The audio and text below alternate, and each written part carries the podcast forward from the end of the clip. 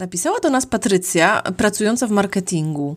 Posłuchała podcastu i po jednym z odcinków naszła ją myśl, że dobrym tematem, nad którym sama od lat się zastanawia, jest jak nie myśleć o pracy po pracy. Patrycja zgodziła się udzielić nam wywiadu, z którego fragmentów dowiesz się więcej o niej i istocie problemu. A w przyszłym odcinku zajmiemy się wymyślaniem możliwych rozwiązań tej kwestii. Oddaję głos do studia. Cześć, z tej strony Marszałek i Małgorzata. A to jest podcast Kurza Melodia z kategorii podcastów poszukujących. Masz jakiś problem? Napisz do nas. A my znajdziemy rozwiązanie. Zaczerpnij inspiracji z naszej krynicy niewiedzy.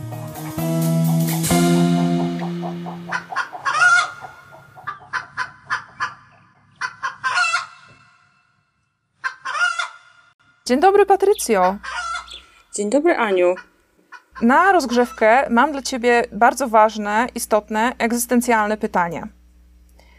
Co dziś jadłaś na śniadanie? Kanapki z łososiem. Mm. tak, i cieszyłam się bardzo, że zjadłam co, coś, coś innego niż w przeciągu ostatnich dni, e, ponieważ e, w ferworze dnia codziennego czasem, czasem w lodówce nie mam tego, co bym chciała. A co byś chciała? Co najbardziej lubisz jeść na śniadanie? E, chciałabym mieć zdrowe rzeczy, e, ale właśnie nie zawsze one są w tej lodówce. Mogłyby jakoś magicznie do niej trafiać, ale niestety tak się nie dzieje. Może znajdziemy tutaj jakiś na to sposób. w kolejnym odcinku. W kolejnym odcinku, tak. A co jest takim Twoim najulubieńszym śniadaniem na świecie? Nie takim zdrowym, tylko takim, wiesz, takim Niam, niam. Wiesz co, najlepiej smakuje mi to, czego sama nie przygotowuję i wtedy nie jestem zbyt wybredna. Bardzo smakuje mi coś, co jest pięknie podane na przykład w hotelu, jest duży wybór, e, albo ktoś inny właśnie mi przygotuje to śniadanie, nie, niekoniecznie do łóżka, ale po prostu takie, żebym nie musiała się ja tym zajmować.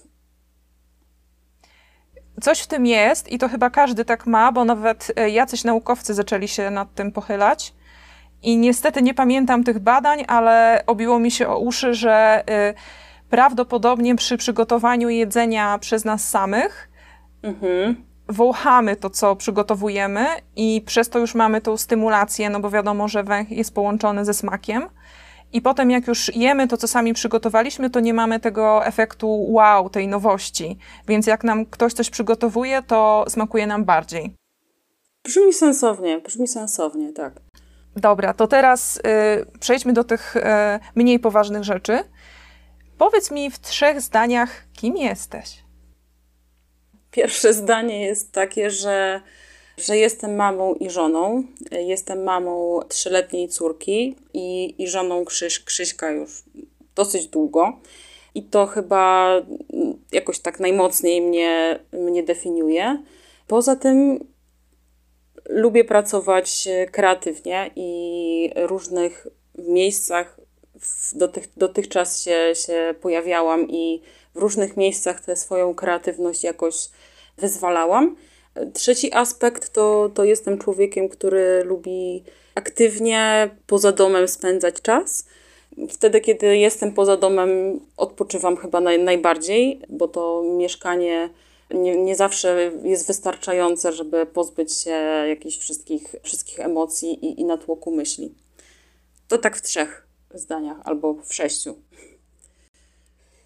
Jak wyglądała Twoja droga zawodowa i czym właściwie się zajmujesz teraz? Bo mówisz, że rzeczami kreatywnymi, ale konkretnie czym? Konkretnie zajmuję się szeroko rozumianą komunikacją, tym, żeby firma, którą, e, którą się opiekuję, żeby było o niej głośno, e, żeby ludzie się dowiedzieli, czym, czym się zajmuję, wykorzystując do tego różne narzędzia. Ale zapytałaś, jak toczyła się ta moja droga zawodowa. Mhm. Pisałam o różnych rzeczach dla różnych portali, dla różnych mediów na różne bardzo ciekawe tematy. Zazwyczaj były to, to tematy takie, które gdzieś tam przejmowały mnie albo społecznie, albo politycznie, obywatelsko. Mm, bardzo dużą uwagę e, przykładam do tego, żeby miejsce, w którym się znajduję, było zgodne z, moją, z moim rozumieniem etyki i, i jakiejś kultury pracy. więc staram się w takie miejsca trafiać albo po prostu ich szukać. No i wracając do tego, czy, czym się zajmowałam, no to właśnie z tej, z tej drogi pisarskiej zaczęło to w jakąś taką naturalną drogą ewoluować w stronę y, marketingu.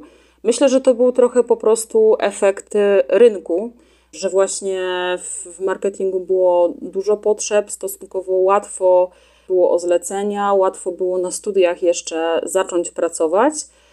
I tak się właśnie w moim przypadku stało i właściwie końcówkę studiów. Tą drugą część studiów już, już pracowałam i, i byłam właściwie aktywna już, już w agencji reklamowej. A co studiowałaś? Studiowałam zarządzanie mediami na Instytucie Kultury w Krakowie, na Uniwersytecie Jagiellońskim i w tym czasie właśnie pracowałam w agencji y, marketingowej. Ten czas właśnie sprawił, że, że okazało się, że z tej jednej umiejętności pisania można wiele rozgałęzień sobie zorganizować i, i wyzwolić w ogóle jakieś totalnie inne aktywności. No i z czasem się okazywało, że rodzajów tekstów pisanego, które można produkować, wytworzyć, jest nie, nie wiem, chyba nieskończona ilość. Cały czas się dowiaduję o tym, że jeszcze jakieś teksty można pisać pod takim, pod takim kątem, że jest taki trend albo inny. To jest taka umiejętność, która mi towarzyszy permanentnie, powiedzmy. Ona ewoluuje w różnych właśnie kontekstach i nie mam z tym problemu. Zaczynając od jakichś takich prostych rzeczy, typu pisanie maili, to też niektórzy mają z tym problem. Prawda. aż, aż do jakiejś formy dłuższej też, też nie mam z tym problemu. Bardziej czas mi już nie pozwala na to, żeby po prostu siedzieć nad, nad jakimiś tekstami parostronowymi, ponieważ e, za, za, dużo, za dużo mam zadań, żeby się nad tym móc e, skupić. Kończąc wątek pisania czy, czy copywritingu, jak to czasami się nazywa w branży, super jest to, że są różne rodzaje tych tekstów. Dla mnie wyzwaniem było przejście cały czas taka droga przechodzenia z tekstów długich na krótkie, bo byłam lepsza w długich. Zawsze pisałam wypracowania po 7 stron, 8, brakowało mi kartek. Zawsze jak zaczynałam coś pisać, to patrzyłam, jaki jest limit słów i odejmowałam sobie w głowie, o czym nie zdążę napisać po prostu, bo nie mieściło mi się to. I z ciekawością obserwowałam osoby, które mają totalnie odwrotnie, że muszą w ogóle dobijać do tych y, znaków, nie? że tam jeszcze zdanie, jeszcze jakieś zdanie, jeszcze, a ja siądę i, i to płynie. Ale jakby druga strona medalu jest taka, że, że kondensacja tych słów i jakby magia, nie wiem, dwóch, trzech słów, które jakoś tam grają ze sobą, dla mnie jest wyzwaniem i ciągle chyba się tego uczę. I to, to, jest, to jest myślę, myślę fajne. Skończyłaś, e, zdaje się, na tym, że zaczęłaś pracę w agencji jeszcze na studiach. Co to była za agencja i co się działo potem z Twoją drogą zawodową? To była agencja, która obsługiwała marketingowo różnych klientów. W większości była to branża nieruchomości, e, więc taki świat dosyć strukturalny. Trzeba było się szybko nauczyć jakichś zasad biznesu, relacji biznesowych i wejść w taki świat właśnie trochę bardziej poważny niż w trakcie studiów. To była taka trochę rozgrzewka przed nowym stylem, o którym chyba Ania coś wiesz. E, nowy styl? To taka gazeta? To taka gazeta, y, w której można kupić sobie krzesło. Znaczy ja wiem, ale podejrzewam, że słuchacze nie wiedzą, więc jak najbardziej możesz rozwinąć tak, jakbym też nie wiedziała. Dobrze, no to Nowy Styl to firma po, z polskimi korzeniami, produkująca krzesła przede wszystkim, ale też meble biurowe z możliwością ich zakupu, no chyba właściwie już na całym świecie. Ja trochę wspominam pracę w Nowym Stylu jak w takiej polskiej korporacji, ale tak do końca ani polskiej, ani korporacji. I to była doskonała szkoła takiej pracy w zespole. Myślę, że to jest taka największa nauka, którą wyniosłam z, z nowego stylu, ponieważ nasz e, zespół też ewaluował na różne y, poziomy, stopnie, różnymi rzeczami się zajmowaliśmy, ale to, co trzymało to wszystko właśnie w dobrym nastawieniu, to były właśnie relacje, które do dziś wspominam no, z sympatią. E, a jeżeli chodzi o merytorykę, no to, to tutaj była możliwość właśnie wypróbowania różnych aktywności marketingowych. Początkowo zajmowałam się obsługą rynku polskiego, potem rynków międzynarodowych kilku, później obsługą komunikacji w mediach społecznościowych. Później to wszystko się bardziej już skupiło na wdrażaniu rebrandingu. I w tym ostatnim odcinku przez chyba półtora roku byłam brand strategiem, takim człowiekiem, który starał się coś wdrożyć, y, żeby było troszkę bardziej uporządkowanie. Udało się nawet zapoczątkować y, zupełnie nową markę, której tworzenie też było dla mnie bardzo dobrym doświadczeniem i w ogóle lubię te tematy brandowe, więc tworzenie czegoś od zera to, to jest chyba moje właśnie takie największe wyzwanie i, i coś, co mnie najbardziej fascynuje i, i jakoś tak pociąga w tym całym wachlarzu marketingu. Tutaj trzeba powiedzieć, że, że to była przeogromna firma. Yy, chyba pracując tam sobie nie zdawałam sprawy, jak bardzo ona jest ogromna. Widzę to dopiero teraz, pracując w chyba według e, tych oficjalnych zestawień w, w średniej firmie. E, no i przechodząc do tego już najświeższego odcinka, to teraz e, pracuję w studio projektowo-doradczym Ergo Design. To jest polskie, bardzo ambitne studio zajmujące się zarówno projektowaniem wzorniczym, szeroko jakimś rozumianym właśnie designem, a jednocześnie doradztwem w obszarze takim okołoproduktowym pod kątem strategii wzorniczej, DNA produktu, e, ale również komunikacji e, brandu i daleko idąc również różne rodzaje e, strategie cyrkularne. Zakres tej firmy, w której, w której teraz pracuję, jest no, niebywały. Mhm. Jak mało osób potrafi tak dużo ambitnych rzeczy y, robić. I tutaj jakby trzeba, trzeba zaznaczyć ten bardzo mocny impact dla, dla świata, który tutaj jest, myślę, chyba najistotniejszy.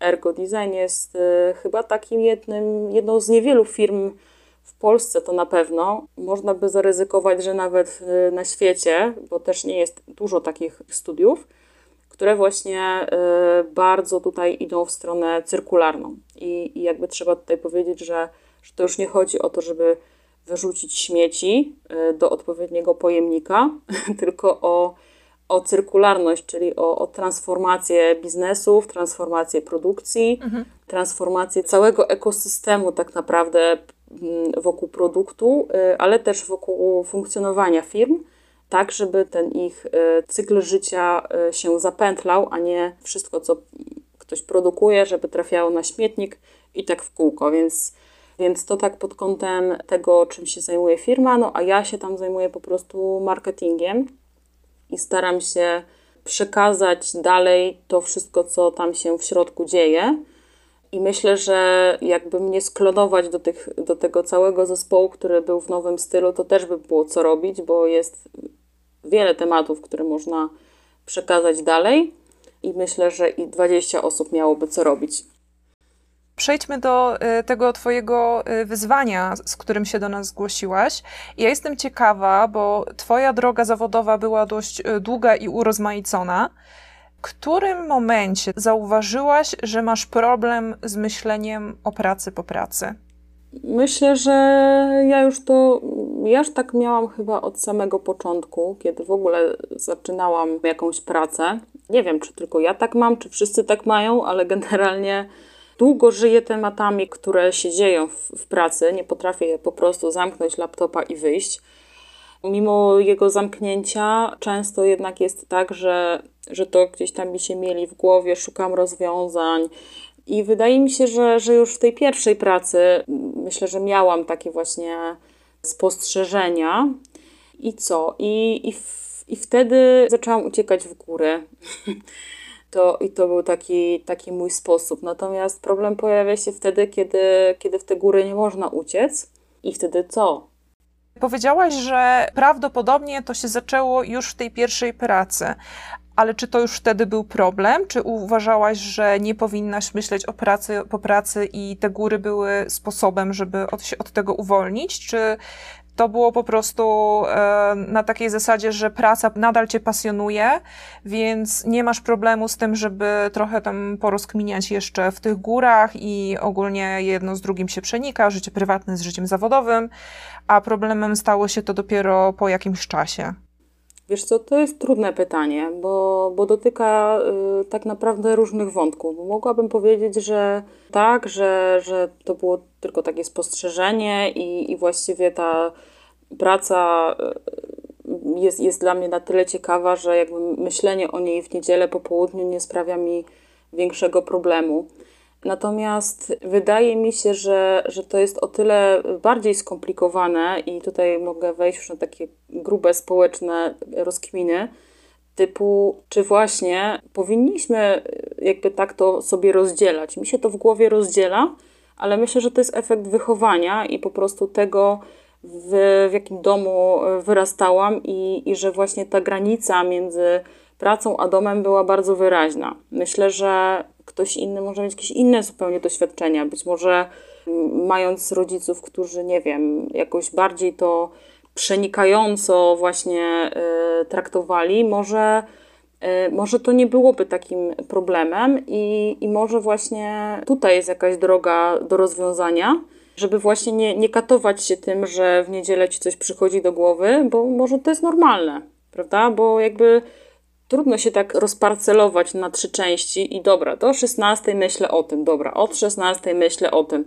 bo, bo to jest w sumie nienaturalne, no jesteśmy jed, jednym organizmem i trochę trudno jakby się tak mhm. porozdzielać i wydaje mi się, że, że ja tutaj próbuję troszkę przełamać to koło, w którym przyszło mi dorastać i być może to jest jakaś droga bardziej do normalizacji niż walki z tym problemem, prawda?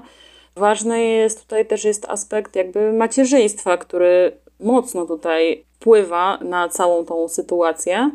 To już nie jest tylko kwestia właśnie poświęcania czasu pomiędzy pracą a, a jakimś życiem dla siebie, mhm. tylko to jest jeszcze mm, poświęcanie czasu na, na rodzinę. Jakbym to miała tak zobrazować, no to moja doba powinna mieć 48 godzin, żebym zdążyła wszystkim aspektom y, swoich potrzeb zadośćuczynić i żeby w ogóle jakąś aktywność wykonać właśnie w kierunku pracy, w kierunku córki, nie wiem, siebie, męża, no siebie to w ogóle, prawda, fajnie byłoby zauważyć, no bo gdzieś tam o 23 mi się przypomina, a dobra, masz jakieś potrzeby przecież, nie, dziewczyno, no a super, no i, no i co, no i jakby kiedy to wszystko ma się wydarzać, więc to jest taka du duża, myślę, yy, myślę rzecz, na zasadzie tych przenikających się, się światów. Pytanie, czy jest dobre, czy jest złe, czy neutralne, czy z tym trzeba się pogodzić, czy z tym trzeba walczyć. A, a jeszcze, y, o, jeszcze jeden wątek y, mi się pojawił. Uważam, że, że też system, w którym żyjemy, no przynajmniej w tym, w którym ja żyję dotychczas, czyli taki dosyć powiedzmy schematyczny, że tam praca na etat i, i potem jakaś y, rodzina i czas, czas na inne rzeczy no to jest troszkę taki sztuczny, niedostosowany w ogóle do świata, w którym żyjemy. Mhm. Bo z jednej strony czasami te 8 godzin nie wystarcza, żeby w ogóle dokończyć to, czym się człowiek chciałby zająć. Z drugiej strony czasami tego czasu jest aż za dużo, bo jest się już tak zmęczonym po poprzednich aktywnościach, że trudno tak w cudzysłowie wysiedzieć. No i tu jest jeszcze ten dylemat, że niestety wiele osób pracuje w takim systemie. Tak mi się wydaje, że póki co jeszcze firmy nie mają na to rozwiązania. No bo jasne, że można by tam przejść e, na jakieś bardziej luźne e, umowy.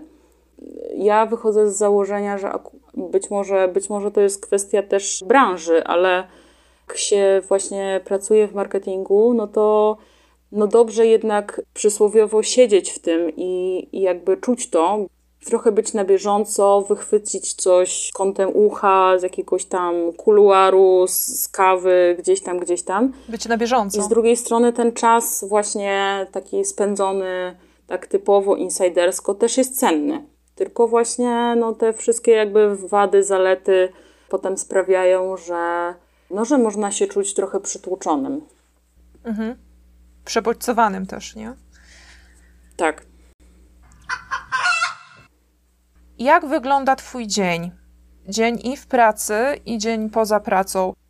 Mój typowy dzień zaczyna się właśnie w, pracy, ponieważ gram w swojej rodzinie pierwszą zmianę, czyli e, idę wcześniej do pracy i odbieram córkę z przedszkola. I w tej pracy czasami jest dużo spotkań, czasami mniej, czasami są jakieś wyjazdy, czasami jakieś wyjścia. Generalnie jest dosyć intensywnie. To jest taka gra pomiędzy różnymi komunikatorami i sztuka zapanowania właśnie nad swoim umysłem, żeby skoncentrować się na jednej rzeczy, bo nie, niestety nie ma czegoś takiego, takiego jak multitasking. No. Przestałam w to wierzyć po latach i, Prawda. i widzę, że jednak niestety, ale trzeba jedną rzecz robić, bo robiąc pięć rzeczy nie robi się właściwie żadnej, więc mhm. trzeba tak robić, żeby pracować nad, nad jedną rzeczą. I po pracy zazwyczaj y, odbieram córkę z przedszkola. No i spędzamy czas jakoś razem w różny sposób. W zimie trochę mniej aktywnie, latem, wiosną raczej, raczej na powietrzu spacerujemy, jakaś taka podstawowa forma aktywności, e, ale też lubię, lubię z nią gdzieś e, bywać. Jakaś, nie wiem, taka najszybsza destynacja typu, typu rynek w Krakowie albo jakieś fajniejsze bawialnie, parki, jakiś lasek. To tak w tygodniu, no bo w weekend to już różne rzeczy mogą się ciekawsze pojawić.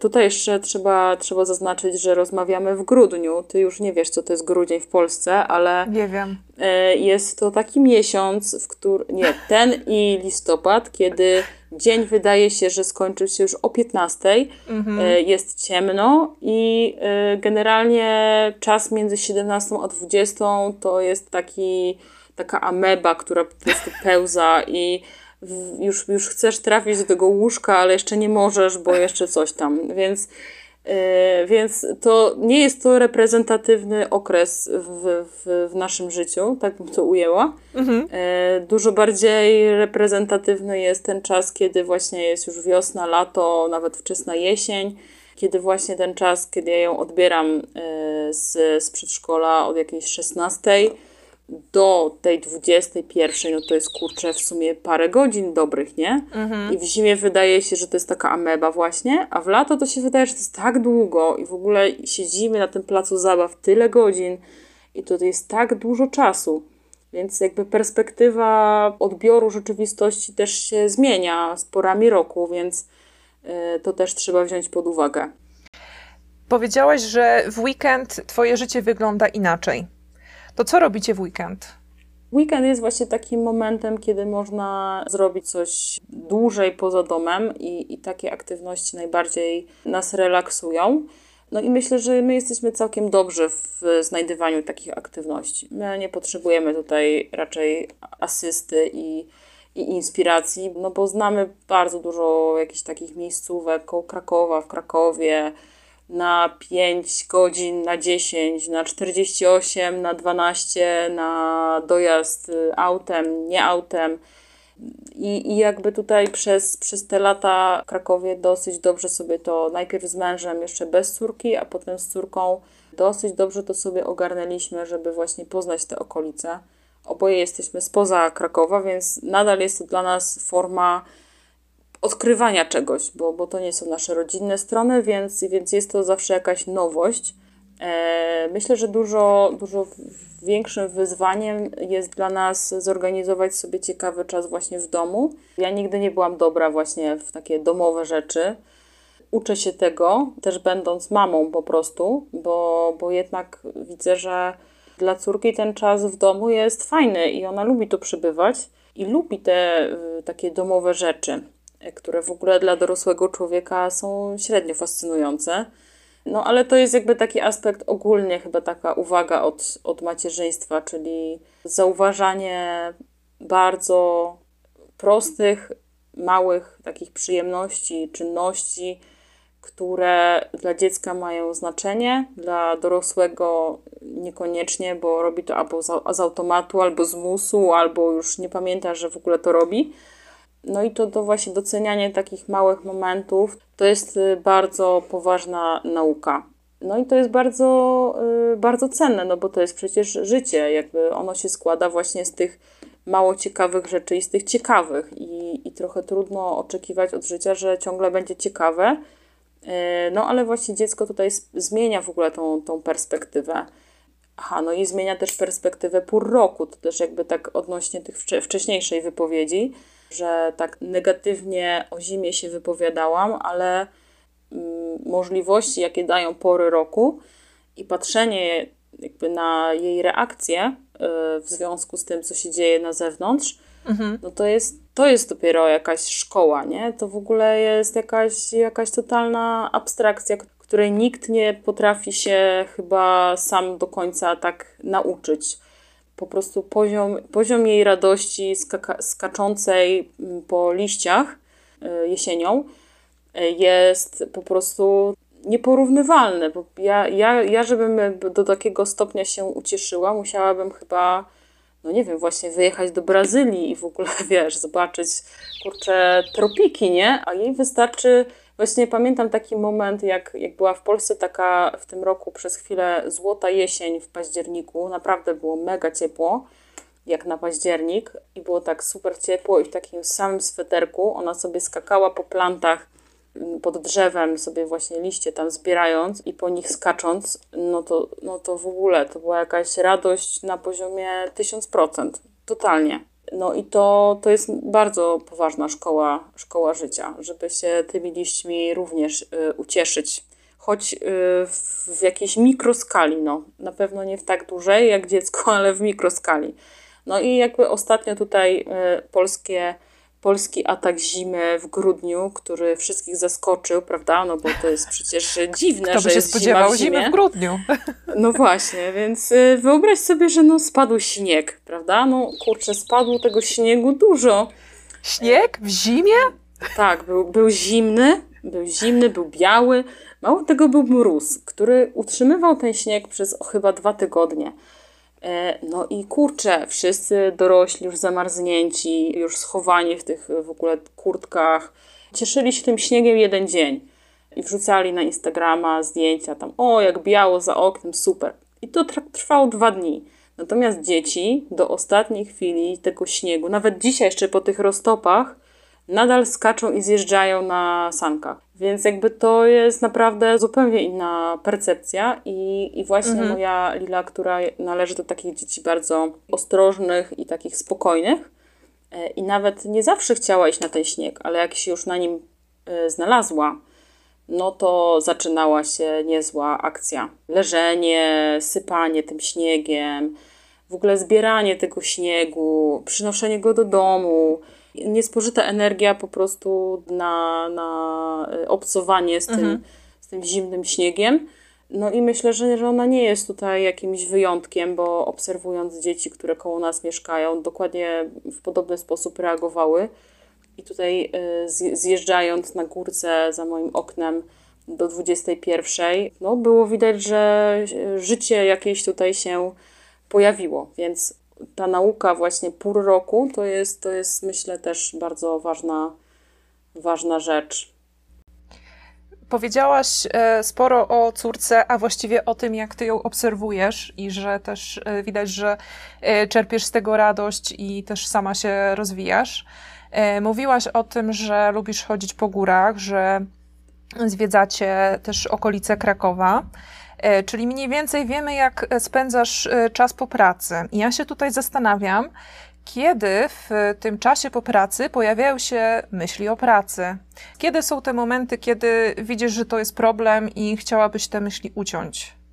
Taki naj, najgorszy moment to jest piątek po pracy, kiedy właśnie już jest takie zmęczenie całym tygodniem i wtedy się pojawia takie miejsce w, w głowie, że okej, okay, zwalniamy barykady i fajnie by było już o innych rzeczach pomyśleć, ale nadal jest jeszcze dużo wątków, które gdzieś tam e, się w głowie pojawiają.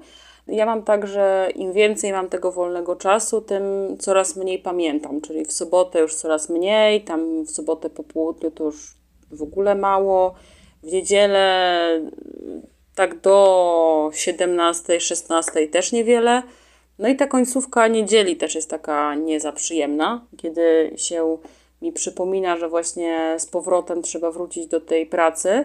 To zależy też jakby od, od projektu i od momentu, w którym gdzieś tam w pracy jestem. Czasami jest tak, że wiem, że na przykład ten poniedziałek będzie taki ciężki i, i wtedy trudno mi się bardzo tego zdystansować i zaczynam myśleć, gdzieś tam krążyć, co kiedy zrobię i o której, i do kogo napiszę i, i, i co napiszę. Te takie momenty przejścia są cięższe. Czyli te twoje myśli nie krążą tylko, kiedy jesteś nakręcona jakimś projektem i kiedy myślisz o tym, co by tutaj można było jeszcze poprawić i ulepszyć, i to w jakiś sposób też jest dla ciebie napędzające i miłe, no bo to przecież nadal jest y, twoja pasja. Tylko to są też myśli takie bardziej nazwijmy je kontrolujące, czyli próbujące zapanować nad sytuacją. Skoro jutro jest poniedziałek, to jak sobie ułożę w głowie, że o ósmej mam przeczytać maila, o dziewiątej mam się spotkać z tym i z tym, to w jakiś sposób próbujesz zapanować nad tym swoim lękiem, przez poukładanie sobie wszystkich rzeczy, które się będą zaraz y, działy. Czyli mam, mam poukładane, no to moja głowa może być przez chwilę spokojna i mogę znowu wrócić do relaksu. Czy dobrze to rozumiem, czy, czy nie? Tak, myślę, że, że dobrze to rozumiesz. Ja jestem dosyć taką zorganizowaną osobą i, i mam potrzebę właśnie takiej kontroli i panowania nad tym, co mnie otacza albo co mnie czeka. Staram się redukować stres przez y, właśnie uprzedzanie faktów, mhm. przewidywanie ich wcześniej, zablokowania sobie właśnie tego czasu, cofając się gdzieś tam chronologicznie i po prostu go gdzieś tam bukując, żeby właśnie doprowadzać do takich momentów, że, że coś jest na już, na teraz, na dzisiaj, na dziewiątą, tylko że po prostu mam czas nad tym wszystkim jakoś zapanować. E, wydaje mi się, że po prostu jestem też dosyć zajętym człowiekiem i jakby dużo jest tych, tych rzeczy, które, które muszę opanować w, w ciągu całego tygodnia. Potem pojawia się taka potrzeba tego wszystkiego poukładania, trochę jak takich klocków. Też pewnie istotne jest to, że w tych wszystkich aktywnościach, których się podejmuje, no chcę być jak najlepsza i zarówno w pracy i w domu. Dlatego potrzebuję też jakiegoś oddechu od tego mhm. wszystkiego. Y, czy miałaś jakieś próby rozwiązania y, tego wyzwania, jak nie myśleć o pracy po pracy? Czy cokolwiek próbowałaś z tym zrobić? A jeżeli tak, to co i czy cokolwiek zadziałało? No, takie bardzo przyziemne czasami y, przychodziły mi do głowy pomysły, typu schowanie torby z laptopem do szafy, żeby na niego nie patrzeć, zamykanie laptopa tak ostentacyjnie, żeby naprawdę już go przez weekend nie otworzyć odinstalowywanie aplikacji na wakacjach do komunikacji albo do social mediów. Co jeszcze? Pojawiały się pomysły typu właśnie odcięcia od social mediów, całkowite lub częściowe. Z racji tego, że tam jest też jakiś, jakaś część mojej pracy i taka właśnie chęć odcięcia się od tego. Co jeszcze? No, no wszystkie te aktywności właśnie takie poza domem można zaliczyć do tej kategorii. Czyli twój problem z myśleniem o pracy to jest nie tylko to, kiedy ty sama o niej myślisz, ale też e, ktoś do ciebie dzwoni, albo ktoś do ciebie napisze, albo sama otwierasz komputer i widzisz, że nie wiem, przyszedł mail, albo coś jest do zrobienia, tak? E, no tak, no trochę też e, myślę, że to jest kwestia właśnie czasów, w których żyjemy, że czy bardziej charakteru pracy, że właśnie to nie jest tak, że trzeba pójść do pracy, żeby pracować, tylko właściwie wystarczy otworzyć laptopa, włączyć maila, komunikator i, i pracować, nie? Tak niewiele potrzeba. Mhm. No ja doceniam y, możliwość właśnie pracy niezdalnej y, i jednak wyjścia y, do pracy, no bo wtedy trochę łatwiej to jest rozdzielić. Ja się lepiej czuję jednak chodząc do pracy i z niej wracając. Chociaż rzeczywiście taki model jakby hybrydowy, że tam trochę większa elastyczność jest bardzo korzystny dla życia domowego i takiego psychicznego. Natomiast właśnie takie miejsce, że jest czymś osobnym miejsce w domu i miejsce, osobne miejsce w pracy, mi to jakoś pomaga. Ale wracając do początku rozmowy, czy to jest jedyne wyjście i jakby czy to właśnie nie sprzyja takiemu schematycznemu podziałowi, który w sumie i tak no nie da się tego podziału tak naprawdę zarysować, kiedy ta praca się kończy, a kiedy zaczyna to pewnie jest jakieś takie utrwalające te schematy, ten, to biuro w ogóle, nie? Mhm. Jest to biuro i w tym biurze to się pracuje, a poza biurem się nie pracuje. No i wszystko ma swoje konsekwencje takie pozytywne i negatywne, nie? Że, że świat się skurczył i jednocześnie właśnie tych komunikatorów y, jest całe mnóstwo, są super, ułatwiające pracę, ale tak naprawdę wiążą pracownika z tematem. Właściwie y, barierą jest tylko odpalenie komputera, prawda? Więc to trzeba trochę z, ze sobą więcej popracować, żeby po prostu tego, tego nie robić albo, nie wiem, jakoś inaczej o tym myśleć. Mhm. Dobra, Patrycja, dzięki wielkie. Dziękuję. Y, nie wiem, mam nadzieję, że, że było coś ciekawego. Jeśli chcesz, żebyśmy zajęły się Twoim problemem, napisz do nas list na adres problemy małpa kurzamelodia.com. Im więcej powiesz nam o sobie i swoim problemie, tym lepsze pomysły przyjdą nam do głowy.